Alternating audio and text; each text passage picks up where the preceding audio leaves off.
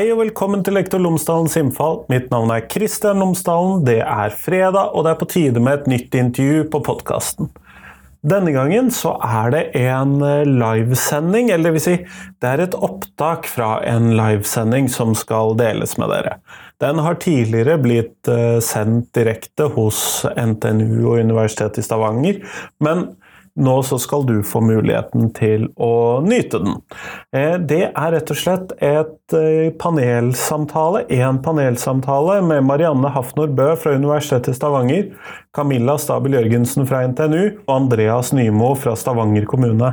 Og de skal sammen snakke om Utforskerne, eller RE Searchers som det heter på engelsk, som er et eh, verktøy, metode, for å drive med undervisning som handler om utforskning og ulike perspektiver knyttet til religionsundervisningen, men som for så vidt som metode kan brukes innenfor veldig mange andre fag, men her er spesialtilpasset for religionsundervisningen. Eh, jeg tror dette egentlig er interessant uavhengig av om du har KRLE, religion og etikk, eller om du ikke har religionsfaget, for som sagt, jeg tror denne metoden kan brukes også på andre elementer. Men det er i hvert fall dagens podkastintervju. Ellers så har podkasten Lektor Lomsdalens innfall byttet eh, sponsor. Eh, fra og med 1.7, dvs. Si i dag, så er det Fagbokforlaget som sponser Lektor Lomsdalens innfall. Og Fagbokforlaget gir ut bøker og digitale læremidler for hele utdanningsløpet, fra barnehage til høyere utdanning og profesjonsfag, samt for norsk for minoritetsspråklige. Og visste du at Fagbokforlaget akkurat har kommet ut med en bok høyere, for høyere utdanning om betydningen av å møtes? Og Det er jo særlig viktig nå etter korona.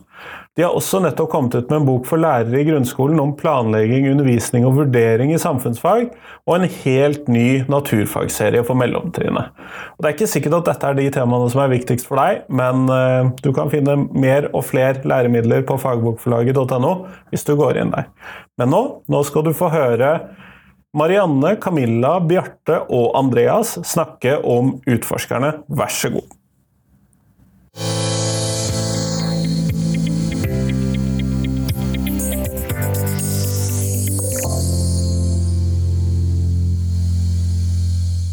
Beklager litt forsinkelse. eh, skal vi se om dette havnet online nå, da. Der, ja.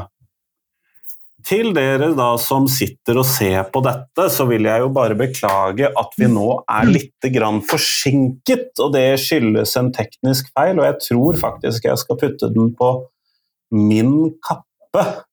Eh, denne unnskyldningen blir jo da ikke en del av hva skal vi kalle det, den offisielle varianten av dette, men det er jo fint også å ha en unnskyldning eh, når vi først er litt forsinket. Og så prater jeg jo litt lenger enn nødvendig med dette, og det er litt for at vi skal kunne se at det faktisk funker når jeg har satt på et minutts forsinkelse på sendingen i rommet, og det som da havner på YouTube. um, sånn at der ligger det en liten issue, for jeg vil gjerne nå se at dette funker før vi kommer sånn ordentlig i gang.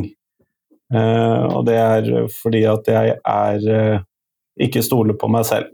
Der, ja. Nå kan folk faktisk se dette, og nå ser de det i ettertid. Så da kan vi begynne.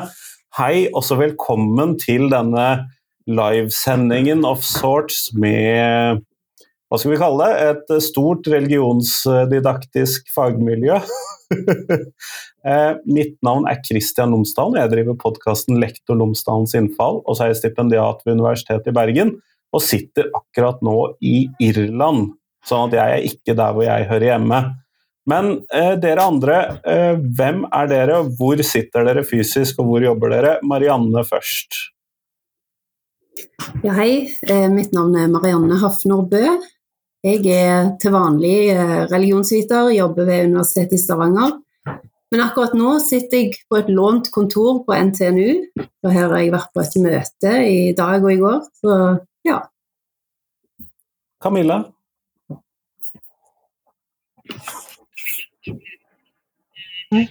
Ja, Camilla Stabel Jørgensen. Eh, jeg sitter på mitt eget kontor på NTNU. Eh, der jeg jobber med lærerutdanning. Eh, og da er det deg, Andreas? Jeg heter Andreas Nymo og jobber som lærer på Lunde skole på Hundvåg i Stavanger kommune. Eh, og nå sitter jeg oppe hos pappa i Målselv kommune, ganske langt nord. Så det er få av oss som er der hvor vi skal være. Men dette skal jo da handle om utforskerne, og da må jeg nesten spørre dere, Marianne og Camilla, hva er det for noe?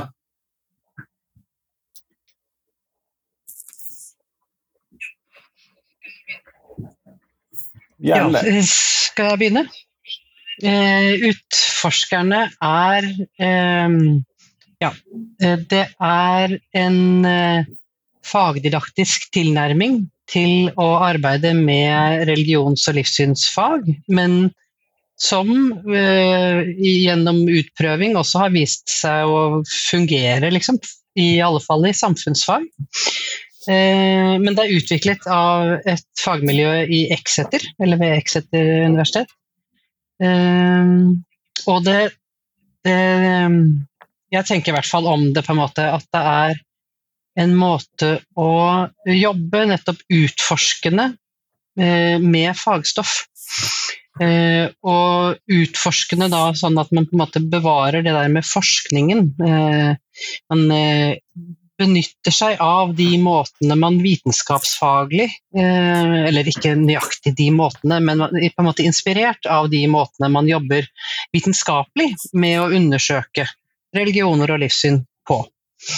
Eh, og så er de tilpasset bruk i skolen. Og det er utviklet eh, for småtrinn, eller for første til sjuende trinn. Men, eh, og det er laget noen ekstra ressurser også, som er beregnet for ungdomstrinn og videregående. Men eh, eh vi har jo òg prøvd i lærerutdanning, og det er lett på en måte å tilpasse. Eh, ulike liksom, aldersgrupper eller eh, mer og mindre på en måte, hva skal man si, da, øvet i det å å bruke systematiske måter til å undersøke noe på. Da. Men eh, Marianne, hvordan er dette som konsept? Eller hva er det, fordi at Nå har jo Camilla beskrevet det litt sånn overordnet, men hva er det når man jobber med det?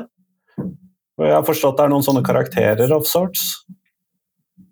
Ja, eh, det er det. Altså, det er jo, eh, som Camilla sier, en måte å jobbe med fagstoffet mer utforskende, og som en har da fire animerte karakterer som hver og en representerer en arbeidsmåte eller en forskningsmetode, kan vi gjerne si. Eh, en tilnærming, da. Eh, og det eh, tenker jeg er en veldig nyttig måte å jobbe med eh, KRLE-faget og religion- og etikkfaget, men òg i lærerutdanningen, som, som, Camilla er inne på. Um, og det å jobbe utforskende og kritisk med fagstoffet er jo òg vektlagt i, eh, i, flere fag i de nye læreplanene. Eh, så den tilnærmingen kan òg egne seg godt til tverrfaglig eh, arbeid. Så det, det er òg viktig. Det som interesserer meg mest med denne tilnærmingen, er nok det at han er elevsentrert. Altså at han tar utgangspunkt i elevene. Det er elevene som skal forske og være kunnskapsprodusenter. Så de skal gi elevene innsikt i hvordan kunnskap produseres. Eh, og altså at kunnskap ikke bare er noe som finnes der ute, men noe som forskeren og i dette tilfellet da eleven bidrar til å produsere ved å velge seg en metode eller en av disse karakterene. Finne seg et kildemateriale, avgrense, stille spørsmål. Eh, så dette er jo veldig verdifull kunnskap, sånn som jeg ser det, som bidrar til at elevene får bedre forståelse for det komplekse fagfeltet som, eh, som de jobber med. Eh, og kanskje særlig da når det gjelder kritisk refleksjon og rundt dette med, med mangfold og, og, representasjon. Andreas, du, ja, Camilla? Men, eh, altså, det er ja. ja. Jeg bare hadde lyst til å liksom si veldig sånn konkret, da. Det er, det er fire karakterer.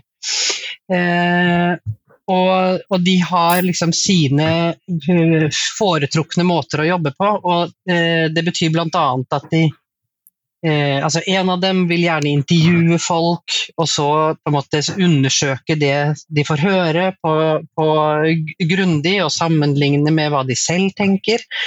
Eh, en annen eh, vil på en måte stille de store spørsmålene, og gjennom diskusjoner eller filosofiske samtaler eller utforskende samtaler eh, finne ut av hva det fellesskapet som liksom sammen da utforsker et spørsmål, mener om det eller kan vite, få vite om det og sånn. Eh, men ett poeng som på en måte hva skal man si, kommer fram gjennom det, den, de, det å jobbe på de ulike måtene, det er jo at det spiller en rolle hvordan du skaffer deg kunnskap, for hvilken kunnskap du faktisk får.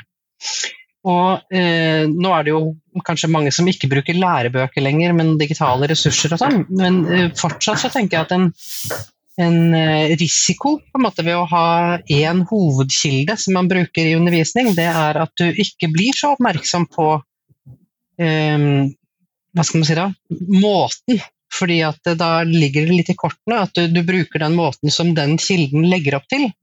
Og så får du ikke på en måte perspektivert den måten å jobbe med fagstoff på. Mens disse karakterene de legger på en måte til rette for å få øye på selve liksom, måten å utforske på da, som betydningsfull for hvilken kunnskap du får. Andreas, du har jo da mm. brukt R-researchers, eller da det som, eh, som er jo det engelske navnet på dette konseptet i din undervisning. Eh, kjenner du deg igjen i disse beskrivelsene? Ja, det gjør jeg veldig. Jeg kan jo bare begynne med å si at jeg jobber på en ungdomsskole. Så det har som vi sa nå, at det var veldig enkelt å tilpasse sånn sett. Jeg begynte da med en åttende klasse som jeg er kontaktlærer for. og så har, vi, eh, har jeg og en annen kollega fulgt eh, klassen og brukt eh, ganske mye tid på denne metoden i den klassen. Jeg jobber som samfunnsfaglærer, og så min kollega er KRLE-lærer. Um, så bare det med at det er en fin måte og, og eh, metode å, um, å, bruke i forbindelse med nye læreplaner, det med å utforske og få elevene til å jobbe, det i seg selv syns jeg er en veldig eh, stor styrke med dette. Men hvordan, hvordan har du da brukt det i disse timene, eller i fagene dine? Da, med disse, jeg regner jo med at det blir introdusert da ganske tidlig da, i 8. klasse? Jeg tror vi vi trengte litt tid å sette oss inn i dette, så vi fikk vel beskjed, eller vi fikk eh, spørsmål om å jobbe med researchers eh, på høsten når de, eh, klassen gikk i åttende. Så vi starta i februar.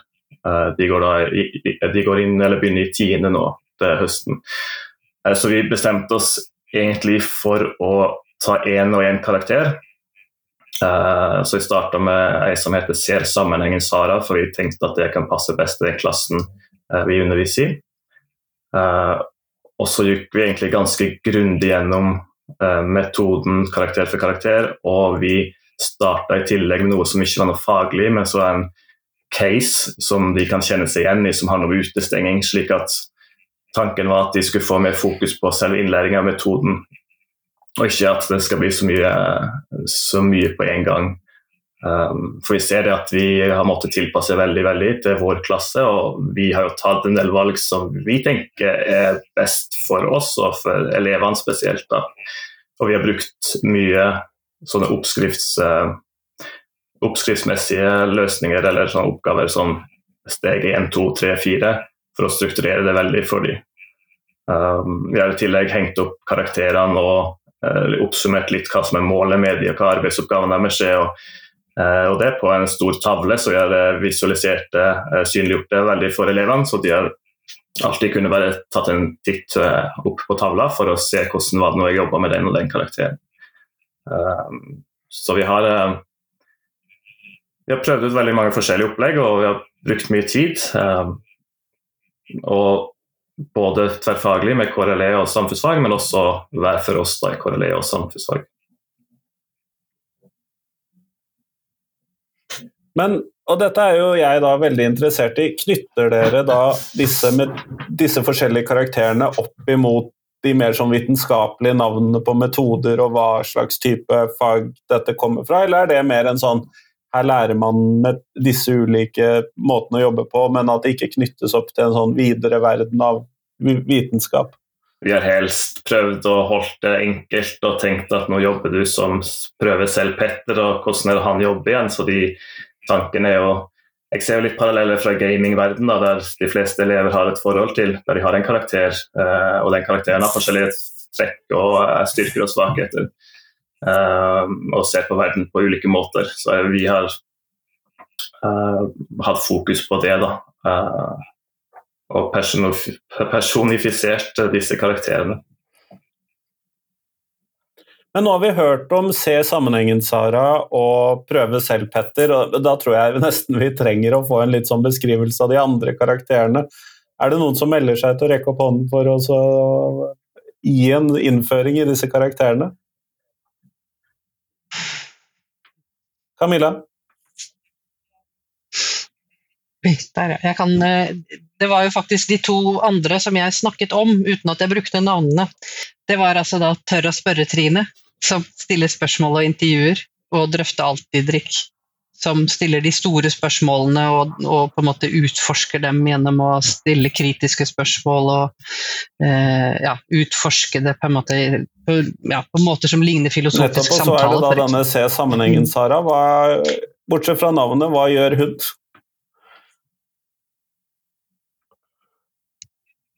Mm. Hun jobber med fortellinger. Eh, jobber med måte fortellinger fra religiøse tekster, eh, men også folks egne fortellinger. Eh, og fortellinger fra andre kilder, media og sånn, og ser etter sammenhenger. Eh, ja. Men hvordan har det vært å Mm. Hvordan har det vært å eh, oversette disse til norsk? Det er jo jeg jeg da litt interessert i.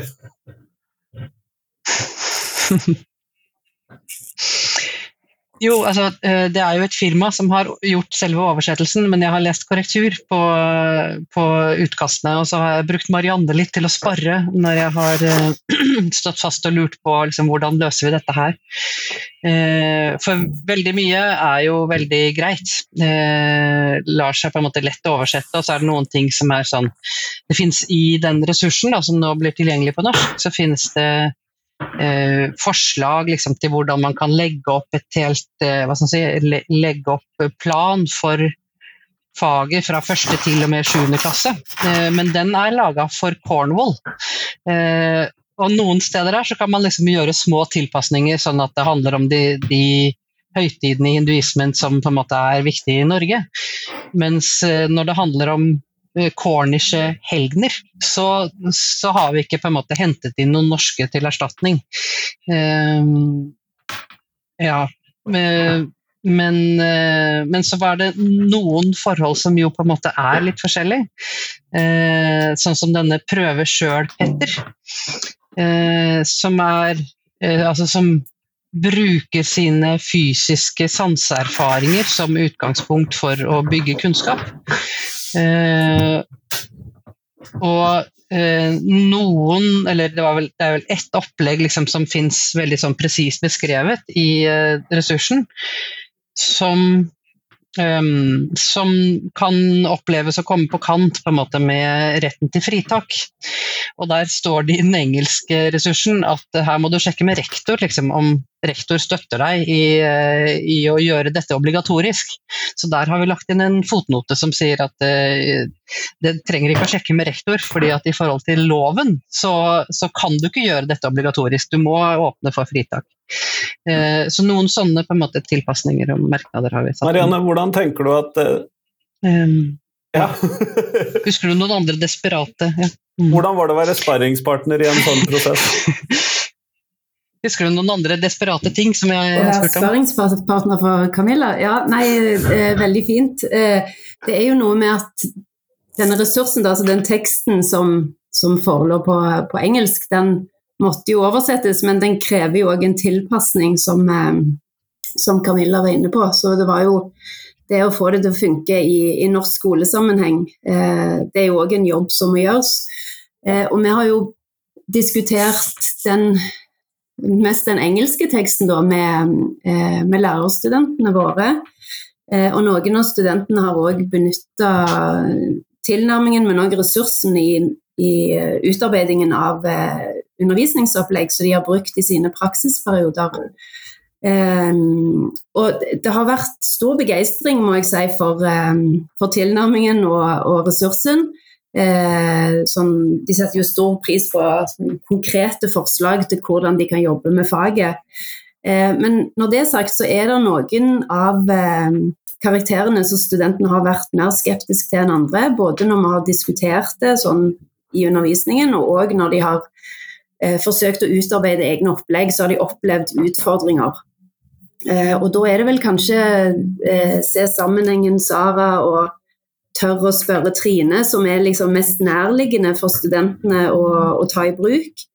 De representerer på en måte kjente tilnærminger med intervju og livshistorier, tekster og fortellinger, eh, som studentene allerede har eh, erfaringer med. Eh, mens Petter og Didrik da, så har nok studentene vært litt mer skeptiske og tilbakeholdne. Eh, så har diskutert det en del, og det handler nok om at disse karakterene som Camilla var inne på, de innebærer litt mer involvering for elevene i undervisningen. Så det trår liksom over noen grenser mellom det faglige og det personlige på et vis.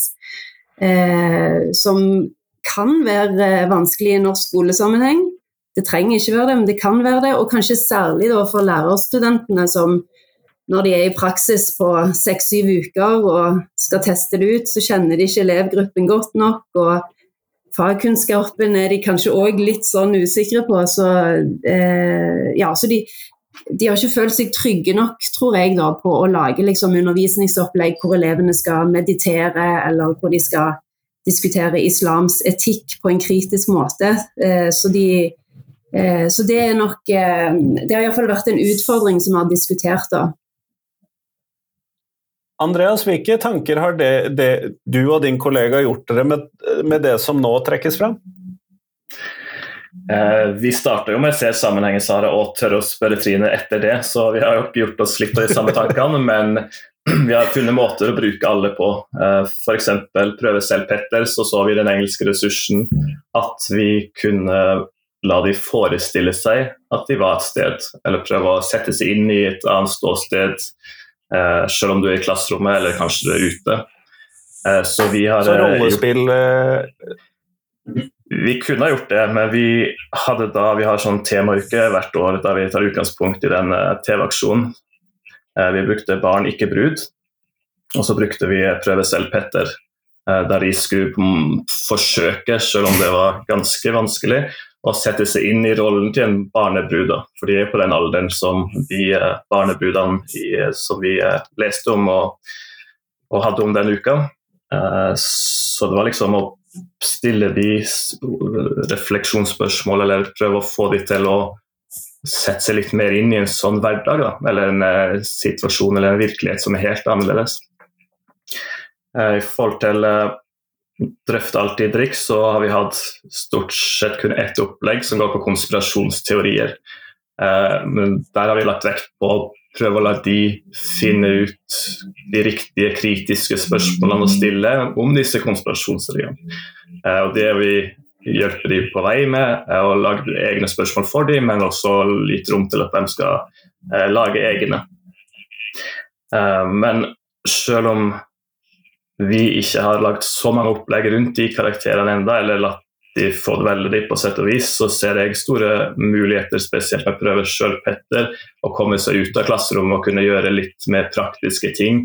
Eh, det tenker jeg også på å tørre å spørre Trine, for jeg ser hele, alle de karakterene har veldig eh, stort potensial da, for å kunne komme seg ut. Og elever eh, blir jo mer motivert av å komme seg ut og være ute og gjøre ting, og ikke bare sitte. Så akkurat det der tenker jeg dette er veldig, veldig bra for. Men det gjør det kanskje lettere, dette med prøve selv, Petter, at dere også gjør da dette i samfunnsfag, og ikke bare i KRLE, som har større litt sånn utfordringer knyttet til dette her med praksis og deltakelse osv., som er litt mer sånn Litt mer problematisert i KRLE-faget ja. enn kanskje i samfunnsfaget? Absolutt. Um, det prosjektet vi hadde med Barn ikke brud, så var det jo både å se på de religiøse problemstillingene, men også de samfunnsfaglige. Um, men vi har jo diskutert det mye. Hvor, skal, vi, hvor skal grensa gå, da? Um, men jeg har jo voldsomt trua på det at altså, vi kan jo ikke reise rundt til andre byer eller andre land og oppleve så mye first hand. Men vi kan bruke videoer, vi kan bruke spill, vi kan bruke Prøve å forestille oss da, som uh, står tydelig i den ressursen også, at man kan gjøre uh, i forhold til den karakteren. For det, ellers så er den jo mye vanskeligere å vri enn å bruke. Um, men så Jeg har jo stort sett forholdt meg til den samfunnsfagsida, siden jeg er samfunnsfaglærer. Uh, men vi har drøfta og diskutert, og det er helt klart veldig mange eller litt problematisk å finne ut hvor grensa skal gå. Ja, det er mye drøfting der. Eh, Camilla, der forsvant jaggu Camilla, så da satser vi på at hun kommer tilbake igjen. Eh, men Marianne, eh, når vi da skal ta oss og bruke dette, lære oss å bruke dette, være ny lærer, hvordan følge, For dere har snakket om et ressurshefte. Hvor dyptgående er det? Eh, ja, det er jo ganske omfattende. Altså, det forteller jo litt om eh, eh selve tanken bak eh, tilnærmingen. Eh, det er vel den første delen av ressursheftet. Og så møter en disse fire karakterene da, for en introduksjon til, til hva slags eh, metode og arbeidsmåte de representerer. Og så er det noen konkrete eksempler på tilnærmingen i praksis. Eh, annet så er det det er vel et opplegg rundt eh, eh, hvem var Jesus? Altså en mer sånn, eh, sånn Jesus-opplegg som eh, aktualiserer en historisk kritisk refleksjon rundt hvem Jesus var som historisk person, som grunnlegger, som forbilde for mange kristne i dag.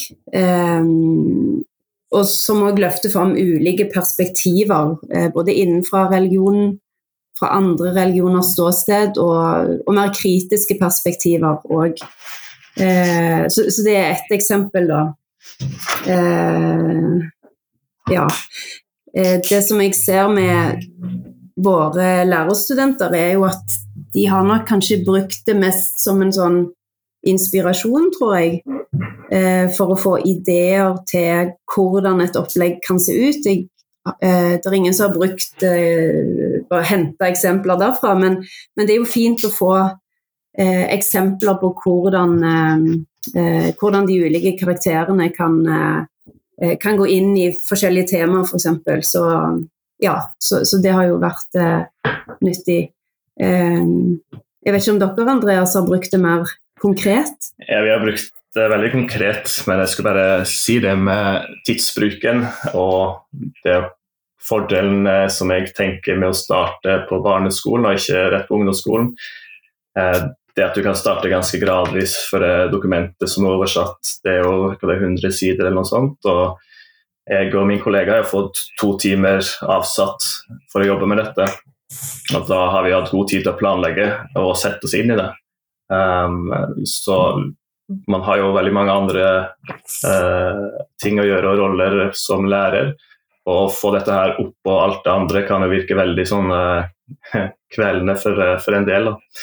Um, så jeg har sett uh, jeg har tenkt at hvis de starter allerede på en enkel intro i første klasse eller veldig tidlig, da, så vil det jo være mye enklere å være klar for det på, i åttende klasse og ungdomsskole. Um, for jeg har det første opplegget vi hadde med eh, en sånn utestengingssak, så handla det bare om det å se, eh, se, saken fra et annet perspektiv. Da. Så hva hvis det var deg som var blitt utestengt, og det ikke var du som utestengte? Så var det en som bare oppsummerte så fint og sa men Andreas, det er jo ingen ungdommer som tenker på den måten. Og da var det sånn aha. For det er jo det det handler om, tenker jeg, hele det, denne metodikken. At det handler om å se ting fra flere perspektiver. Og da kan det være en god måte å starte tidligere på.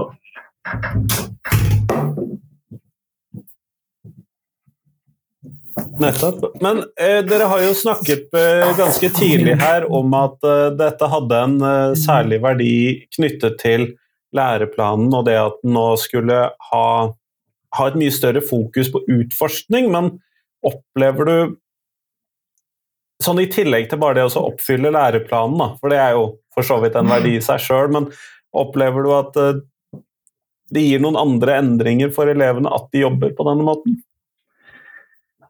Hvis du skjønner hva jeg spør om. Ja, de, de, eh, altså, den Hovedsakelig så gir det en mulighet for elevene til å få tid nok til å utforske ting på egen hånd.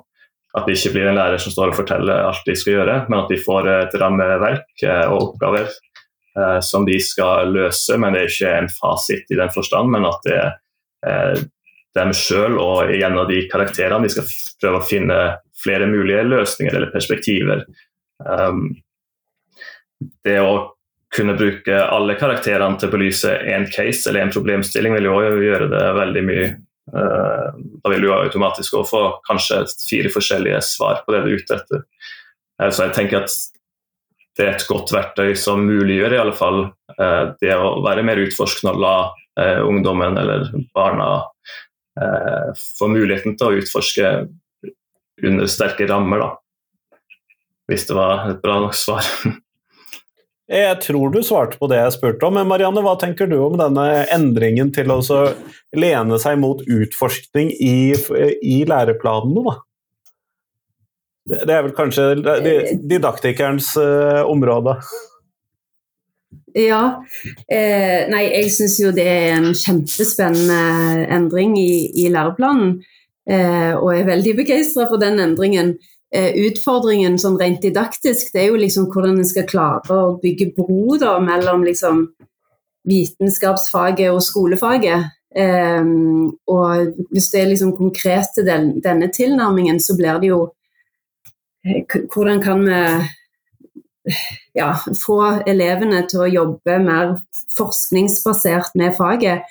Og da, til det formålet så funker jo denne utforskende tilnærmingen veldig fint. Eh, nå skal det òg sies at nå jo, jobber jo jeg med en, en, ganske annen gruppe enn Andreas, i og med at jeg lærer studenter. Så, eh, så her kan vi jo på en måte nedtone karakterene litt, og heller jobbe mer med eh, forskningsmetodene som sådan. Eh, og i videregående òg så tenker jeg jo òg at ja, karakterene kan spille en viktig rolle, for, eh, for det er en måte å, å, tilgjengeliggjøre forskningsmetodene. Men her kan en òg egentlig legge karakterene litt til side, da, og heller liksom jobbe med uh, Trenger ikke jobbe med forskningsmetodene heller, men å kanskje jobbe et sted midt imellom. Så, så jeg, jeg, ser jo eh, Ja, jeg ser veldig mange muligheter med, med denne tilnærmingen. Eh, nå har vi Camilla tilbake her, så nå skal hun få mitt headset, så kan hun òg koble seg litt på samtalen her. Ja. Men maskinen min eh, ga seg og ville ikke starte igjen, så da snek jeg meg inn overgangen. over gangen. Ja, nei, det skjer. Jeg har jo mista litt imellom. Ja, det er sånn som skjer. Um, Men Camilla nei, Så nå vet jeg jo ikke på en måte akkurat hvor det var. Ja. Mm fordi at jeg spurte jo om dette her med verdien av disse av dette med at utforskning nå er blitt en stor del av læreplanen. Og så hadde jeg da et oppfølgingsspørsmål knyttet til dette her med disse karakterene. fordi at Dere har jo allerede understreket at disse karakterene er jo laget for småskolen, eller i mm. barneskolen. Mm. Ja. Og så mm. sa jo Marianne nå at uh, man kan legge mindre vekt på selve karakterene oppover. men vil ikke de også kunne være ganske nyttige på videregående, også for så vidt blant lærerstudentene, med tanke på det at det blir så håndfast? da. Litt barnslig mm. kanskje, men ganske håndfast? Absolutt. Jeg, jeg tror at uh, altså, ja, uh, så lenge ikke liksom hele generasjoner av elever er flasket opp med dette, uh, så tror jeg at det kan være veldig nyttig å å nettopp bruke karakterene og det materiellet som er utvikla, fordi det gjør ting så konkret og, og håndgripelig.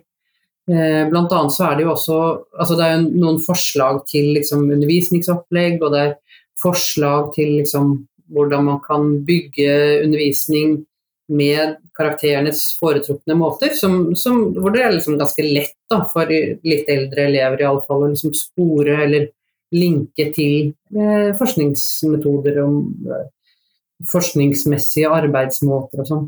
Eh, og så finnes det også ressurser eh, for å støtte arbeid med vurdering, og det tenker jeg også er superattraktivt. Ja, det må du Eh, fortelle om. Både for elever, fordi det er egentlig det er liksom et opplegg for selvevaluering, egentlig. Eh, Men det er jo mulig for lærere å bruke det liksom til genuin vurdering. Men det er sånne Jeg vet ikke om du har hatt sjansen til å se på, men det er eh, Jeg vet ikke om det vises her heller. Nei. Jo, så vidt kanskje. En stjerne med, med armer liksom som, eh, der du kan markere hvor god syns du du er til da med, med tørr- og spørretrine, og sammenligne det du vet om enkeltpersoner og religionene deres. Eller hvor god fra null til fire liksom, syns du du er til å vise empati overfor mennesker, menneskers personlige meninger og følelser. Og så kan man på en måte vurdere det, da, fordi det er relevante forhold å vurdere eh, når du jobber på den måten. Altså eh, hvor god er du til å stille empatiske spørsmål som ikke liksom hva skal man si da, eh, som ikke er veldig ubehagelige eller for personlige eller eh, hva skal man si da, antar at folk har bestemte holdninger uten at man egentlig spør om de har det og sånne ting. Så, sånne ting er relevant for den måten å jobbe på. Og da er det også relevant å vurdere hvor god man er til å gjøre akkurat det. Og sånn, sånn finnes det da på en måte tilpassede vurderingsstøtte for alle disse måtene å jobbe på. Det syns i hvert fall jeg er veldig sånn attraktiv side ved denne tilnærmingen. Men nå er jeg litt sånn vurderingsnerd òg, selvfølgelig. Eh, Men, og da må jeg nesten spørre Andreas, eh, hvordan syns du denne biten har blitt forsterket, forsterk... Eller hvordan har det vært å jobbe med vurderinger? Dette? Jeg har eh, jo sett på det som, eh, som du viste nettopp, men jeg har eh, ikke helt kommet til stykket å bruke akkurat det. Jeg har også laget et eget skjema jeg, som eh, handler om deres egen, eh, egen vurdering da, av hvordan det er å bruke metodikken og hvordan karakterer de føler de lærer best av, og litt forskjellige spørsmål, men jeg ser jeg har ikke gjennomført det ennå. Um, jeg har lagd egne vurderingsopplegg med C-sammenhengen Sara, Uh, så det har fått karakter på med å bruke den, uh, den karakteren. Uh, men da har jeg, da har jeg gjort henne som en person som de skal prøve å hjelpe, og så har jeg satt, satt opp en svær vegg der, der hun har funnet ut noe. Hun har funnet ut at demokratiet er under angrep. Det var jo før det med Ukraina, så det var jo kanskje litt passende eller upassende. men um, Så de skulle prøve å hjelpe henne som person og finne ut om demokratiet er under angrep eller ikke. Og da hadde jeg forskjellige eh, hint eller måter de skulle gjøre det på. Da. Så da har jeg jo brukt det på vurdering på den måten. Men jeg ser de, eh, de som du viste i stad, de andre tipsene som ligger inni den ressursen der, der er det jo veldig mange gode egenvurderingsskjemaer og forskjellige som der de kan vurdere selve metoden på en veldig fin måte.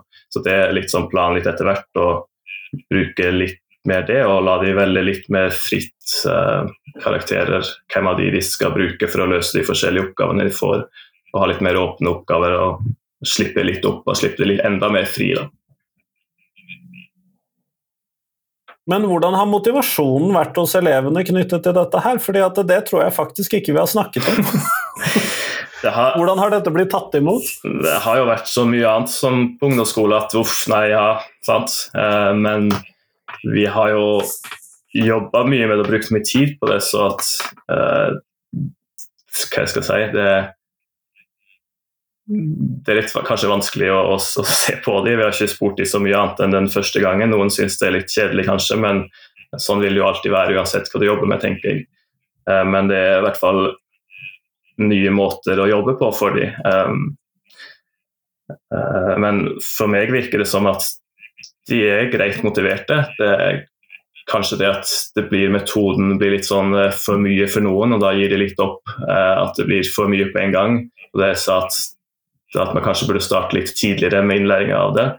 Eh, selv om vi jeg føler vi har gått kjempe, kjemperolig og, og sakte og nøye, grundig gjennom denne metoden. Um, så er det nok litt blanda, men jeg, jeg tror læringa er kanskje større enn motivasjonen, hvis det gir mening. jo, jo, men uh, det er jo ofte en problemstilling i skolen, veldig ofte. Mm. Men det kommer jo også an på hvordan vi har uh, løst, hvilke oppgaver de har fått. Da. Som jeg sa i stad, så hvis vi gjør oppgavene mer praktisk og eh, bruker det vi vet, motiverer dem i tillegg til dette, så vil det nok være enklere å få de enda mer motivert. Men de har jo jobba godt med alle oppgavene likevel, sant? det er jo ikke det. Men, eh, og jeg har ikke spurt de veldig nøyaktig om motivasjon ennå, men jeg planlegger å gjøre det. Skjønner. Det, men det høres ut som dette er ganske greit kombinerbart med det som kalles uh, sånn aktiv undervisning. Mm. Eller elevsentrert, uh, elevstyrt, studentaktiv undervisning osv. Alle disse buzzwordsene som nå er veldig viktige ja. i skolen. Jeg har jo jobba en del med aktiv læring tidligere, uh, så jeg er jo godt kjent med det. Jeg vet at Charlottenlund har, de har jo jobba med det samme, samme prosjektet med researchers, og de har gått mer ut og sett på byen og nærområdet deres. Og de har eh, gått hjem og hatt eh, et opplegg om kalde krigen der de har intervjua besteforeldre. Og sånne ting er jo eh, altså Det er der jeg vil, og der vi vil, tenker jeg. Eh, det vil være enda mer motiverende enn opplegg der vi ja, hva jeg skal kalle det gammeldagse opplegg der du sitter mye inne på, på en stol. Camilla, hva tenker du om dette? Jo, men jeg tenkte at Vi kunne jo melde noe fra studenthold også, om det her med liksom, interesse og engasjement og sånn. Eh, og eh, selv om det jo selvfølgelig er blandet eh, der òg, så eh, så tenker jeg at Eller kanskje er det, ja, kanskje er det egentlig sånn at resultatene er mer blanda, men at det skaper engasjement, nettopp den derre Eh, hva skal man si da, eh, Tilnærminga legger jo opp til at man bruker litt uh, uvante liksom, typer kilder, at man jobber på andre måter enn det man er vant til fra før. Og kommer i kontakt liksom, med den virkelige verden. Og det er jo alltid attraktivt. I hvert fall så er det mitt inntrykk at studenter alltid er glad for det. Da. Uh, ja. Og ellers, bare som en sånn kommentar, for et opplegg studentene her har gjort, var jo å bruke, ta det i bruk i praksis. Eh, tilnærminga. Og noen av dem undersøkte da med elevene sine hvilke tilnærminger de, liksom, hvordan de hadde lyst til å lære om religion. Og da var det mange elever som gjerne ville bruke Hugo, eh, nei, vet han, prøve sjøl, Petter. Ja. Mm. Eh, sånn at eh, elevene er nok ikke så bekymret som fagfolk kanskje for det der med å prøve ut ting selv.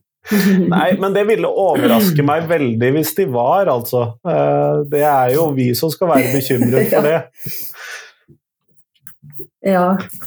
Men eh, ja, jeg vil òg bare tilføye, for vi har jo som sagt presentert tilnærmingen til mm, våre lærerstudenter. og så har de som har ønska det, kunnet prøve det ut i praksis. Og noen har òg skrevet om erfaringene sine i semesteroppgaver. Og blant de som har valgt det, da, så har det jo vært en veldig stor entusiasme, vil jeg si. Og kanskje særlig i, eh, i arbeidet eller i å prøve å forstå og iverksette de nye læreplanene, så har det vært liksom Å, yes, vi har et konkret forslag som vi kan bruke, med noen konkrete opplegg som vi kan tilpasse. og så eh, til det så tenker jeg at det, det har fungert veldig bra, og, eh, og at det har vært eh, eh god stemning for, eh, eh, for, både tilnærmingen og denne ressursen som nå er på norsk. Da. Og da er jo det fordi at denne Når er det denne ressursen på norsk blir tilgjengelig for vanlige dødelige? Ja, Camilla. Når er det denne ressursen blir tilgjengelig ja. for vanlige Skal vi se. Eh, jo, eh, den, eh, nå eh, har jeg kommunisert med oversetterne senest i dag, i formiddag. Eh, og da er de liksom Det er helt eh, tett på at det kommer. Så i går lovet de at det skulle komme i dag. Kanskje har det kommet nå, bare at maskinen min ramla sammen. så ja, forhåpentlig kan det komme ut på nett allerede i morgen. Eh, men det er i hvert fall veldig, veldig snart. Og for de som da hører dette som podkast, så vil de jo da finne dette i shownotesen, en lenke i shownotesen til episoden. Eh, og det, det er jo gratis tilgjengelig, nedlastbar PDF. Eh, og så eh, kan vi vel òg si, for vi har på møtet her som Marianne og jeg har vært på de siste dagene, så var også Jonathan Downey med. En av de som har vært med å utvikle det. Og han vil veldig gjerne komme i kontakt med lærere som eh, har brukt det, vil prøve det, vil bruke det, eh, for å høre om deres erfaringer. Så det kommer òg til å bli mulig liksom, å si ja til å, til å delta i videre måte, utforskning av bruk av materiellet, hvis man eh, følger den lenken. Eh, Men i forhold til det med utforskning og sånn, så tenkte jeg ja, og, og implementering eller det å ta i bruk den nye læreplanen, så eh, kom jeg på har vi snakket eh, kjerneelement to? Altså dette med å utforske religioner og livssyn med ulike metoder. Fordi at det, det, det treffer det kjerneelementet ganske bra, tenker vi. Eh, siden det nettopp handler om det der med å bruke de ulike, eller bruke ulike og liksom å verbalisere hvilke metoder man bruker til å utforske mm, religioner og livssyn.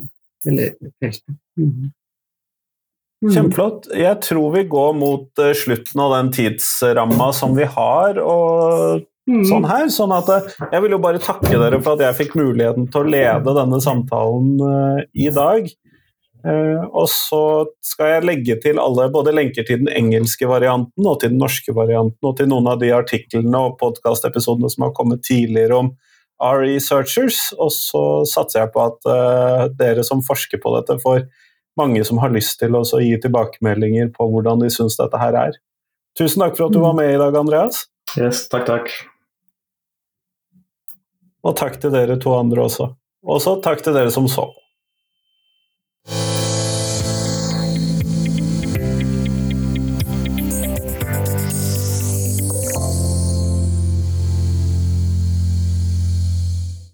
Tusen takk til Marianne, Camille og Andreas, og tusen takk til deg som har hørt på. Nå er det fram til tirsdag, da kommer det en ny episode på podkasten. Og de første ukene av juli nå så vil jeg bare sende nye episoder. Og det er rett og slett fordi at jeg har oppdaget at det er noen episoder som har ventet litt lenge på å bli sendt. Og så er det noen som jeg har hatt veldig lyst til å sende, og da blir det til at det blir to episoder i uken. Og så er det jo ferie, og jeg vet at veldig mange andre podkaster tar ferie. Det gjør ikke jeg, så da kan jeg nyte dette mellomrommet i podkastspilletiden din, hvor du trenger noe å høre på, og så kan jeg tilby det til deg. Så det satser jeg på. Men ellers, fram til tirsdag, ha en fin helg. Hei, hei.